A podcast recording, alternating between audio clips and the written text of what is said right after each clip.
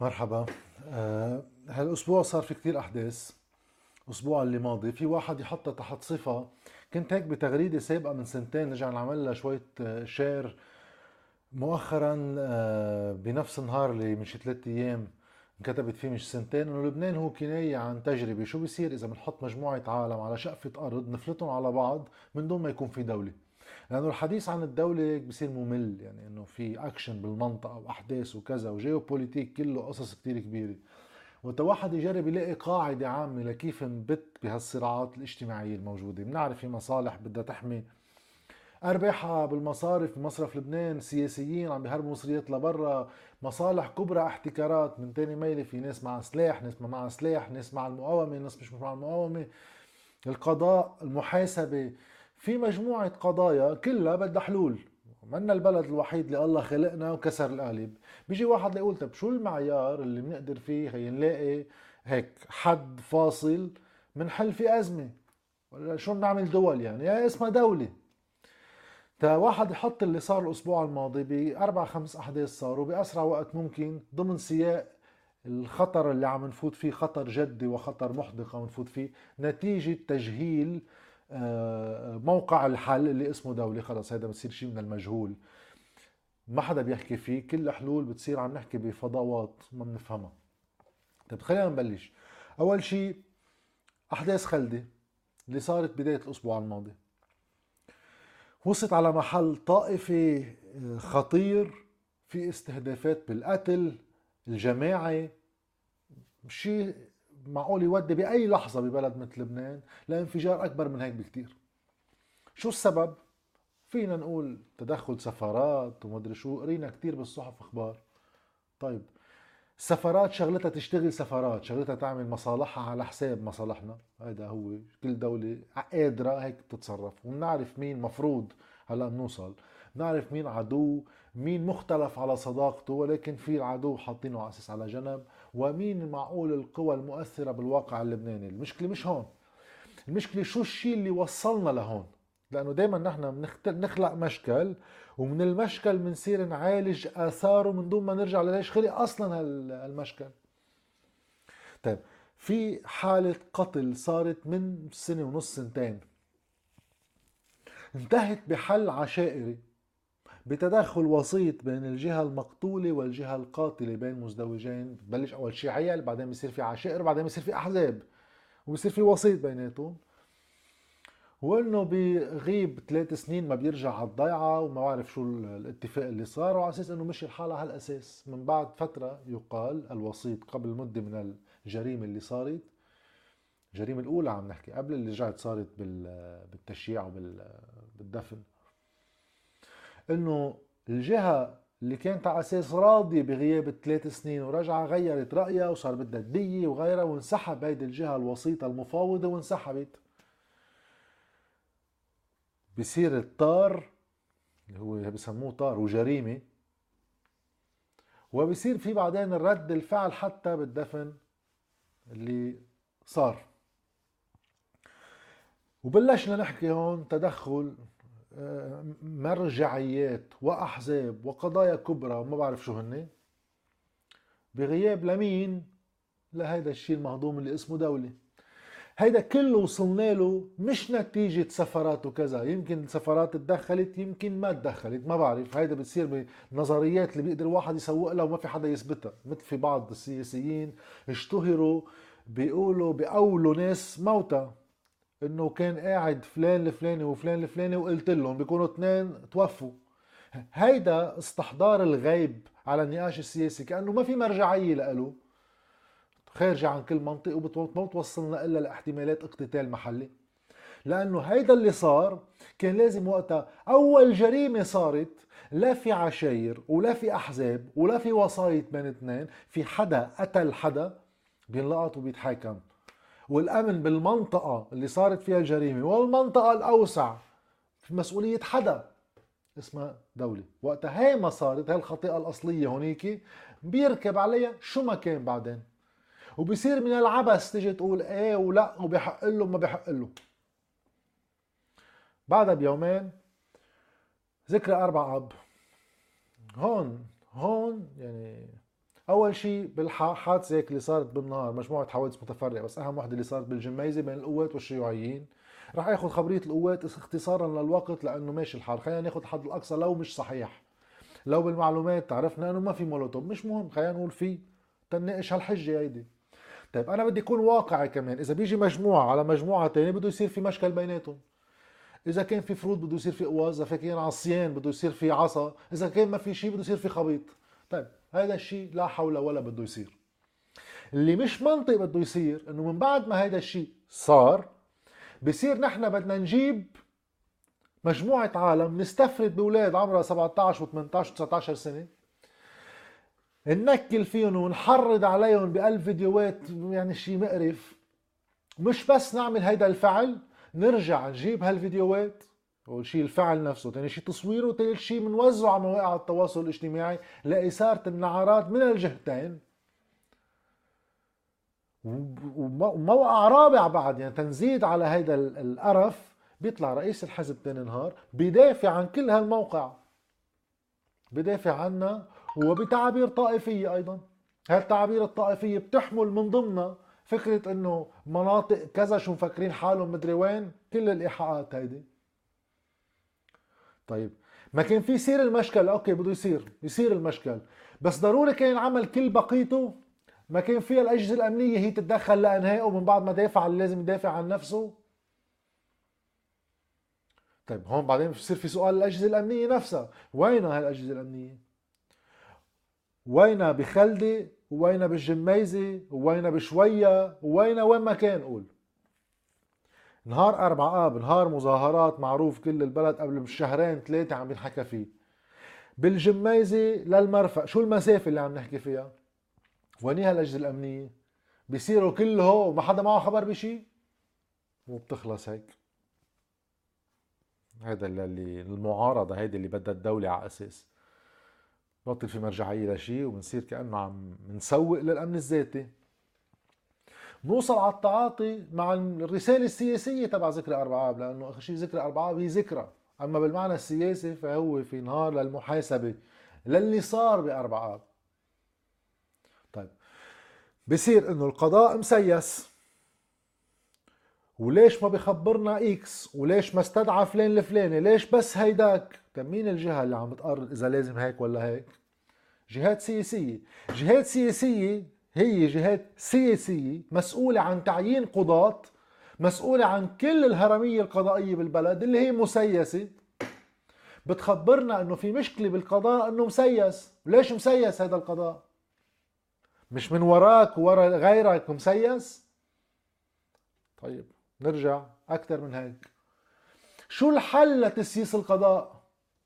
هون بكلمة أمين عام حزب الله بيقول إنه قال لائحة النواب اللي تسمت لائحة النيترات وكذا هو لائحة الشرف لأنه كانوا عم بيتهموا بعملية. طيب ماشي الحال. يعني الحل للقضاء المسيس عن طارق بطار إنه ناخذهم عند المحكمة هيدي المجلس الأعلى لمحاكمة الرؤساء والوزراء المكونة من مين؟ من ثمان قضاة وسبعة نواب من الكتل السياسية بالمجلس. جزء منها فيها أعضاء لها بهالكتل متهم من قبل القضاء. طيب غير هيك تاريخه لهذا المجلس الأعلى مش محاكم حدا بتاريخه مش شايف ولا قضية المجلس النيابي سابقا. بلا عامل شغلة واحدة بال 99 مهرب وزير سابق من المحاكمة. وقتها بينضغط على القاضي كان قضاء عادي عم بحقق بقضيته بينضغط على القاضي بقضية الوزير شهيب برسوميان بينضغط عليه تيقول أنا ما دخلني. كان عم بيحقق فيها كان ماشي حاله. أنا ما دخلني هيدي لازم ترجع على المجلس الأعلى.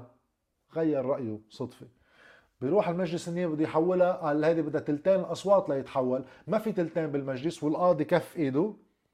طلع لا من دي ولا من دا راح على بيته مش الحال. هيدا هو تاريخ المجلس الأعلى للقضاء هيدا لمحاكمه الرؤساء والوزراء. هيك بنكون معه بنسيس القضية. طيب تسييس القضية كيف تعين هيدا طارق بطار؟ المحقق العدلي كيف تعين؟ شو؟ قوى الثورة البولشيفية هي جايبته؟ ولا أمريكا ولا أوروبا ولا كذا.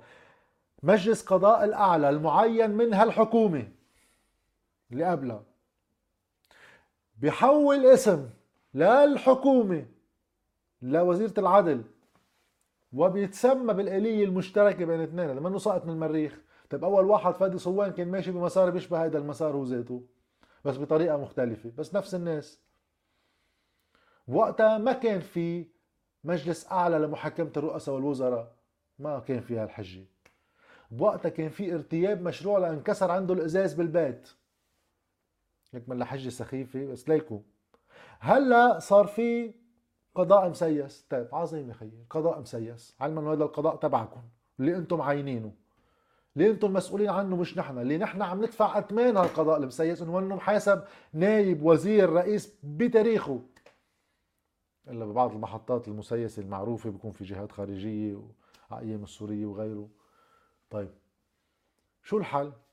إذا بنروح على القضاء الدولي يعني بنفتح البلد على تدخلات دولية من هبه ودب لأنه ما في شيء اسمه قضاء دولي هيك منزه طالما هو ما حدا اجى حط إيده ونحن بنطالبه طيب هاي مشكلة ما بنصدقها وما بنآمن فيها.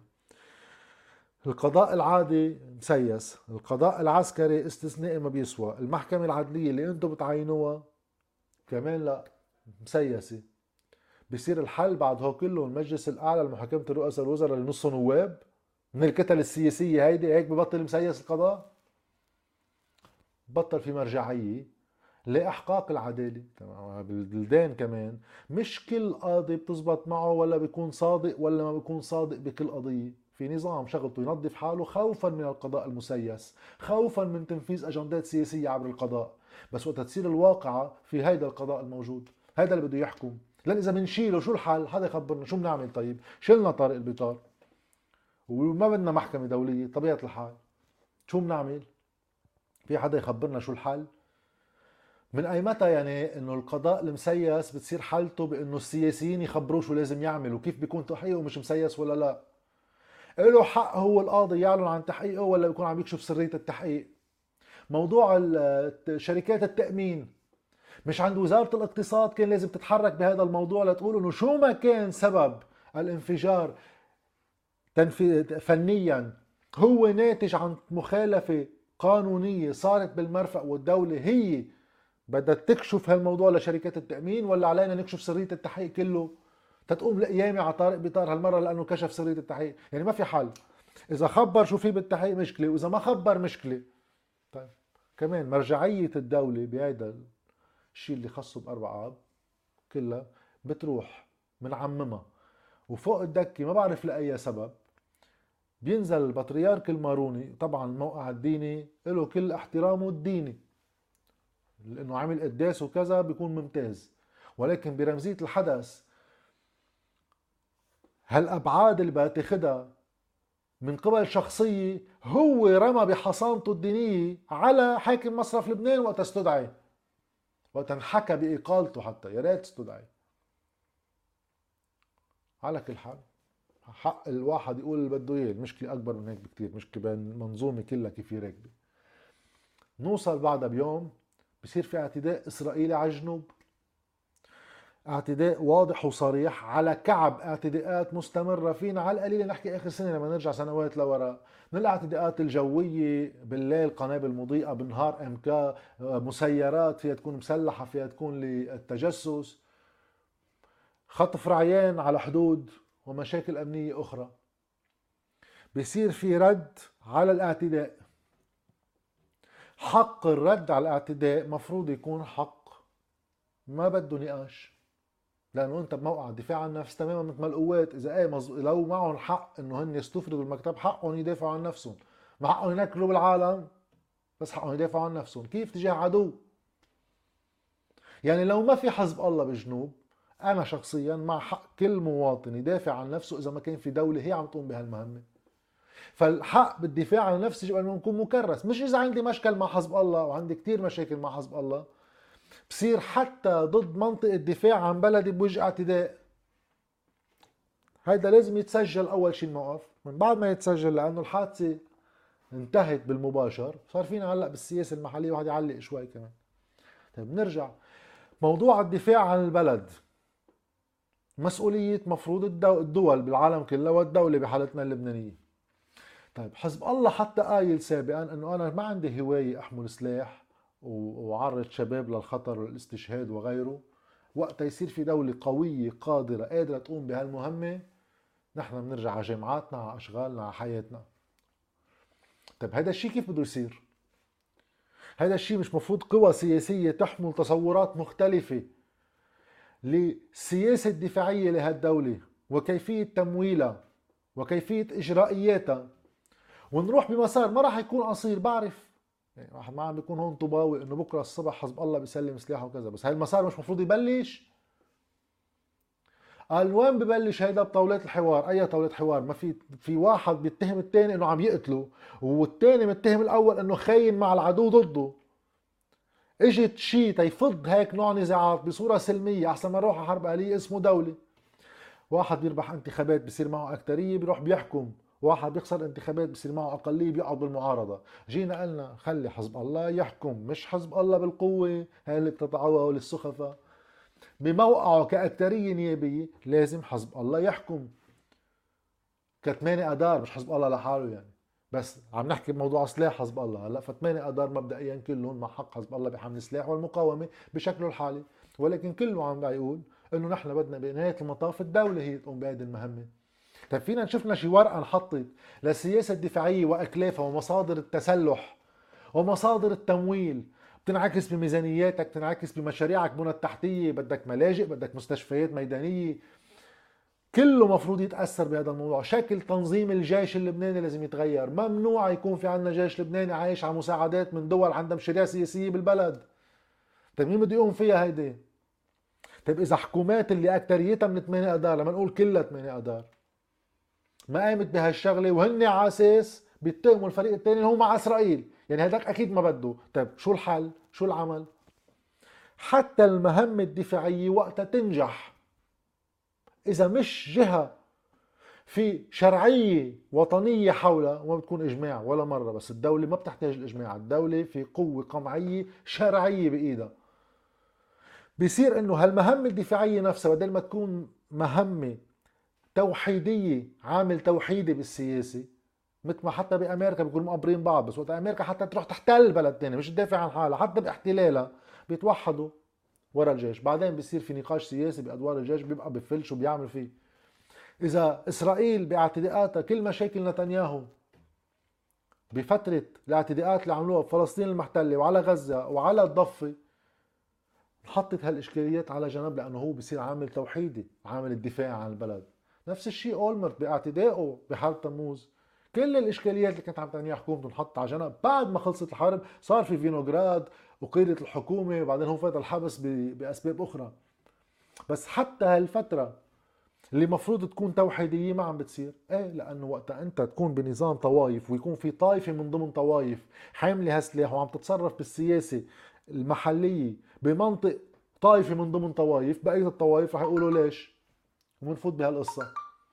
طيب شو العامل اللي هو مفروض يحل هالمعضلة؟ تما نوصل على شوية لأنه وشو شوية؟ هي نتيجة هيدا الخلاف السياسي اللي عم بياخد طوابع عسكرية خلافية من منطق طائفي بالبلد هيدا. طيب كيف هيدا ما في يتوسع بكرة؟ كيف ما في يصير اختراع خارجي للعب ببعض البيئات المحلية؟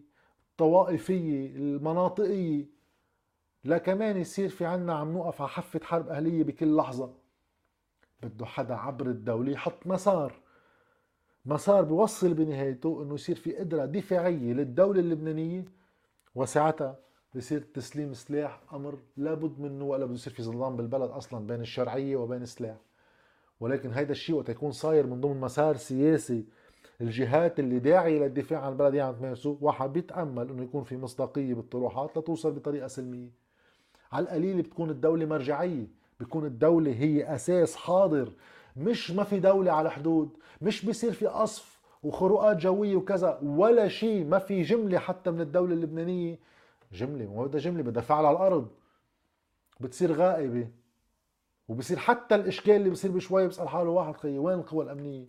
كيف بيصير التصرف مع أشكال من هالنوع؟ كان معقول بيجي ياخذنا على حرب أهلية؟ كمان في غياب تام. و منصير بناء على كل هيدا المعطيات بخطابين منفصلين عن بعضهم. خطاب بنعطيه للعامة اسمه دولة وخبريات كلها وخطاب بنحكيه قدام جماعاتنا شيء تاني. فبصير جماعة من حزب إكس بخبرونا عن أحلافهم ومدري شو. بتشيله عن الكاميرا. تحكي أنت وياه بسب لك أول حليف هي على حده. بتروح على تاني ميلة من الخبريين نفس القصة. حتى بيسبوا أيام قيادات بأحزابهم.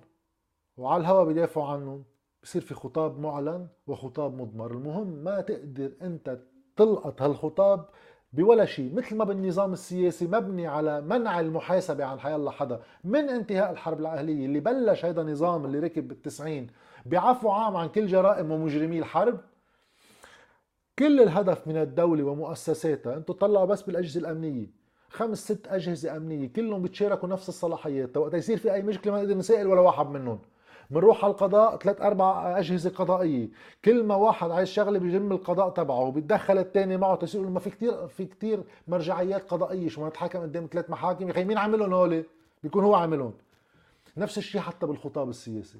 خطاب على الهوى وخطاب تحت الهوى لا فيك تلقط بمبدأ الدولة لفض النزاعات لأنه طيرنا الدولة من كل النقاش العام مش موجودة. كله صار الخارج وصراعات إقليمية كبيرة. أوكي. الخطاب في شيء بينقال على الهواء بتجي لتناقشه تحت الهواء بخبرك خبرية ثانية وبصير يسب أقرب المقربين له حتى بحزبه. بتروح على تحت الهواء بصير لك على الخطاب العام إنه هن على الهوا خبرونا إنه قدم مشروع قانون مدري شو وقعد باللجنة الفلانية مدري شو عمل وبتطلع بالبلد يحو هيدا هو قدامنا. نوصل لحالة اللا وهيدا كله بيصير بس تشوفوا تنختم بس لأن طولنا. واحد يختم هي جمعة اللا دولة ومتوصل قديش نحن عم نصير على حافة خطر جدي بالاقتتال الأهلي إن شاء الله ما بنوصل له. ولكن إذا واحد بده يكفي يلعب هيدي اللعبة بتضلك تلعب بالنهار لا شي نهار بقى تحرق؟ هيدا كله صاير بالبلد آخر جمعة بس. مبروك قشة الكهرباء. هلا صار فينا دوري سي عم نزرزب كل اللي عم بيصير بالدولة من أحداث كلها طابعها أمني. مجلس الأعلى للدفاع هذا الباقي لأنه مسيو حسان دياب مطنبز ما بيجتمع بحكومته هو. هو هلأ ما بده يجتمع. طيب.